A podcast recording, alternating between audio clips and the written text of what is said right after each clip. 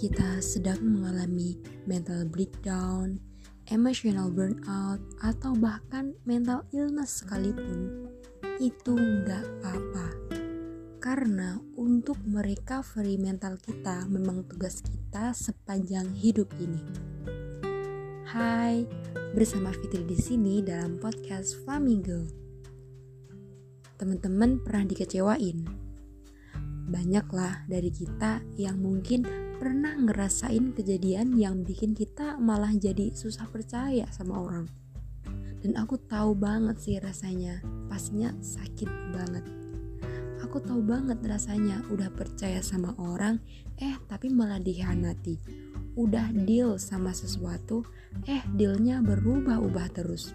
Ya jadinya kita yang udah menginvest waktu dan tenaga malah dikecewain dan sampai akhirnya kadang kita juga jadi capek dan memutuskan buat gak percaya lagi.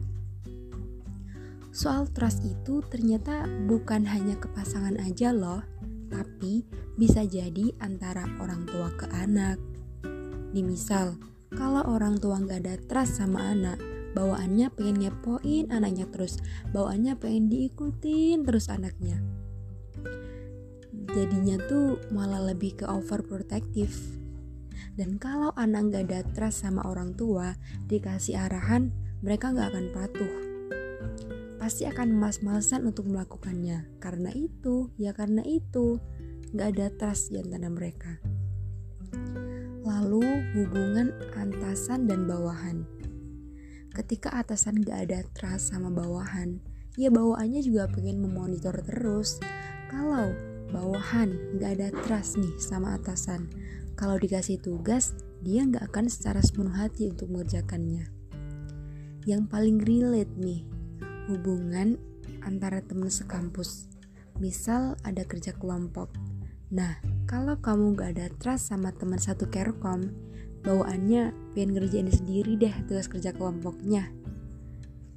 Kalau dari beberapa temen di sini ada yang long distance sama pasangan, kunci langgengnya ya cuma satu, yaitu percaya. Kalau nggak ada trust, kalau nggak ada rasa percaya yang terbangun, pasti akan susah untuk menjalin hubungan yang lebih dalam lagi.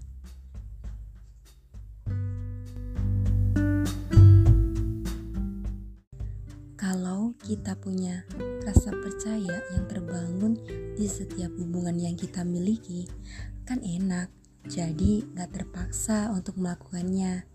Dan ada kayak semacam kebutuhan yang membuat kita tuh sepenuh hati untuk menjalin hubungan itu. Pentingnya untuk menjaga rasa percaya untuk kesehatan mental kita di tengah minimnya komunikasi hubungan apa pun di hidup kita. Kalau memang ada isu tentang trust ini di antara kamu dengan orang-orang yang ada di dekat kamu itu tidak terbangun, maka komunikasikan hal itu dengan baik. Sebenarnya, apa sih trust isu itu dan apa sih penyebab munculnya? Ada banyak banget ternyata teman-teman penyebab munculnya trust isu ini. Mungkin dari pengalaman sebelumnya. Mungkin dari kita pernah ada yang dikecewain sama seseorang sehingga besoknya kita nggak bisa percaya lagi. Atau bisa jadi munculnya trust isu juga dipengaruhi oleh support system lingkungan sekitar teman-teman. Misal mendengar kabar burung seseorang yang belum tentu jelas itu benar apa enggak terus kita melakukan yang namanya prejudice atau prasangka sehingga kita tidak berani percaya sama orang itu walau kita tuh belum berkomunikasi secara fisik sama orang itu. Kalau nggak ada trust yang terbangun, bahkan tuh bisa memunculkan self sabotase.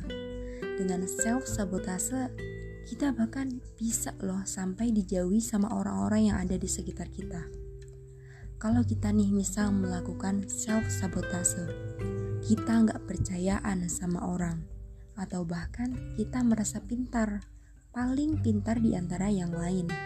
Itu seakan kita itu menarik diri dari lingkungan. Dan akhirnya kita akan merasa kesepian. Tidak menutup kemungkinan kita juga akan mengalami kecemasan ketika kita berada di lingkungan sosial. bahkan bisa mengarah ke social anxiety disorder atau gangguan kecemasan sosial. Saat kita tidak mempercayai orang lain, bisa jadi yang punya masalah itu bukan mereka, tapi kita yang punya masalah dengan rasa percaya. Ada cara-cara ampuh untuk mempermudah membangun rasa percaya dengan orang lain. Pertama, cari tahu apa yang membuat kita nggak percaya sama orang ini. Aku juga gitu, susah-susah gampang dalam mempercayai orang. Tapi coba deh teman-teman, melakukan interaksi sebanyak mungkin dengan orang itu. Kedua, membuka diri untuk percaya. Membuka diri sebenarnya juga sebagai ajang evaluasi untuk diri sendiri bahwa manusia tidak ada yang sempurna. Kita ini juga masih banyak kekurangan loh. Menyadari bahwa orang lain juga bisa untuk membuat sesuatu yang salah, gagal, dan belum benar. Yang ketiga adalah bangun komunikasi yang terbuka. Jangan sampai semua ada di level persepsi tanpa interaksi. Ini tuh juga bisa membuat kita tahu sifat yang sebenarnya dari orang itu. Yang keempat, mencoba untuk memaafkan orang yang punya masalah sama kepercayaan, cenderung mereka itu sulit untuk membuka maaf mereka. Maka dari mereka jadi sulit percaya lagi. Tapi coba deh teman-teman untuk belajar memaafkan. Ini akan membuat dunia kita menjadi lebih tenang. Manusia itu sangat suka dengan hal-hal yang konsisten kalau ada sesuatu hal yang tidak konsisten, mereka akan bilang, kok ini nggak kayak biasanya? Wah, ini ada yang beda nih. Pemikiran seperti itu yang akan memunculkan rasa insecure. Jangan-jangan kita nggak percaya lagi sama diri kita sendiri. Kita jadi gampang stres, emang kalut. Kalau gitu, percaya aja deh bahwa hidup kita itu sudah ada yang mengatur dan tugas kita adalah berjuang.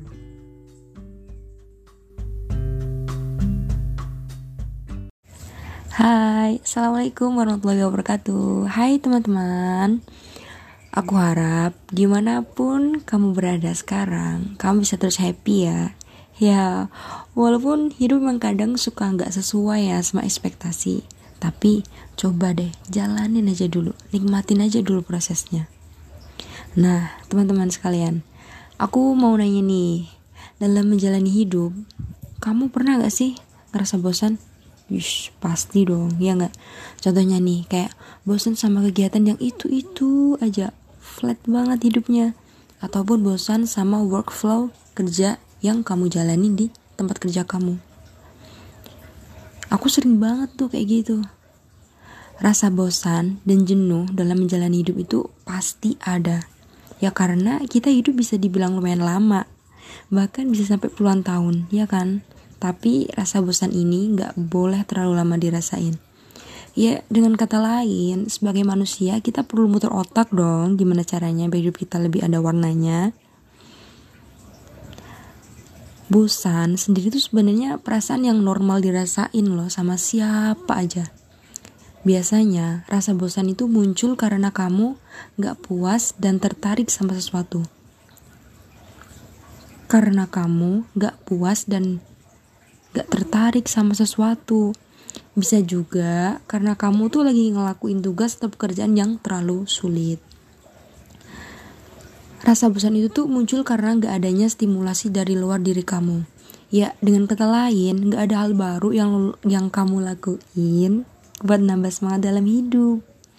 Kalau kamu ngelakuin hal yang sama setiap harinya dan itu membuat kamu gak happy, kamu bakal ngerasa hidup yang kamu jalin sama sekali gak spesial, nothing, nothing special.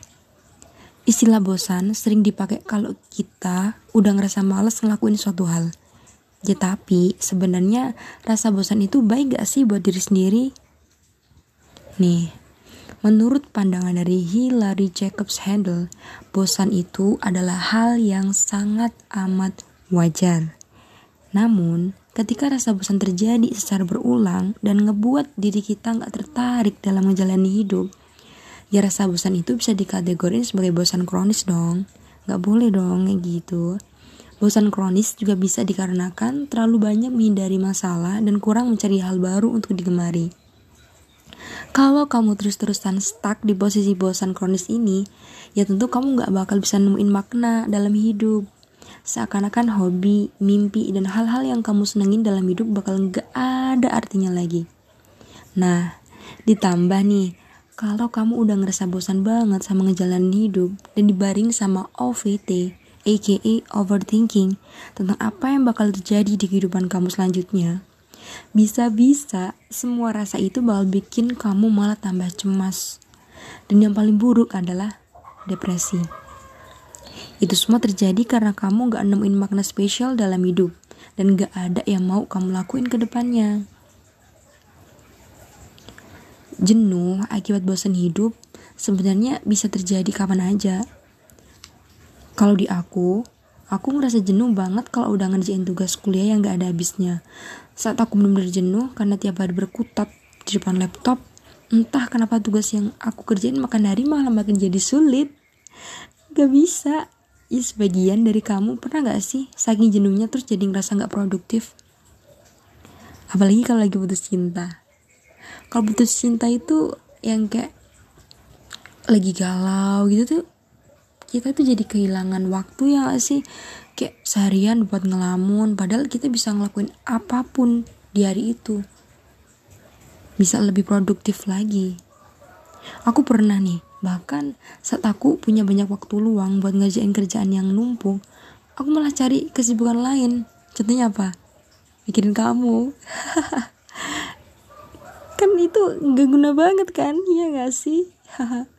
Kayak kayak misal nonton drama juga yang udah pernah gue yang pernah udah yang udah pernah aku tonton sebelumnya. Scrolling sosmed tiktok explore instagram. Beh banyak banget. Dan bahkan bisa sampai bengong seharian. Nah stimulus ini tuh terus terjadi ketika aku udah males sama semuanya dan memilih buat cari pelarian. Nah ini nih yang paling penting terus gimana dong caranya ngilangin kejenuhan akibat bosan hidup kalau kamu ngerasa jenuh dan bosan sama apa yang kamu kerjain, aku saranin jangan langsung take time untuk males-malesan. Kalau males-malesan, kamu jadiin alasan buat rehat dan cari motivasi, kamu gak akan pernah ngerasa cukup. Ntar malah jadi keterusan, ya kan? Self reward, berkedok self reward. Lu bisa baca tips nih di bawah ini yang akan mungkin bisa membuat rasa jenuh kamu sedikit berkurang atau bahkan bisa dihilangin. Satu, perasaan bosan itu jangan dilawan. Semakin kamu berusaha untuk keluar dari rasa jenuh, semakin sering kamu ngerasa rasa jenuh itu nggak hilang-hilang dari diri kamu.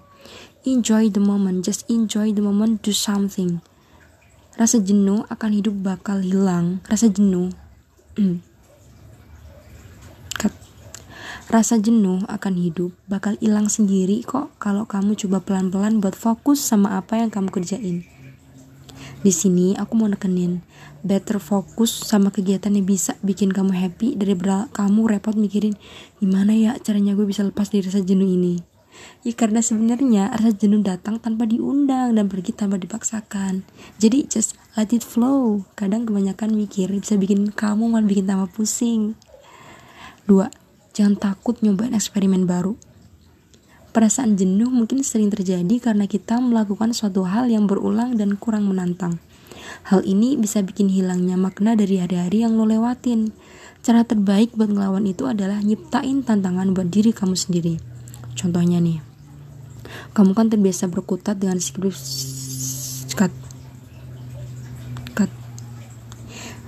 Dengan nyiptain misi buat diri sendiri setiap harinya, kamu juga jadi termotivasi untuk menantang diri dan akhirnya jauh lebih produktif. Tiga, kontrol diri, cari motivasi hidup.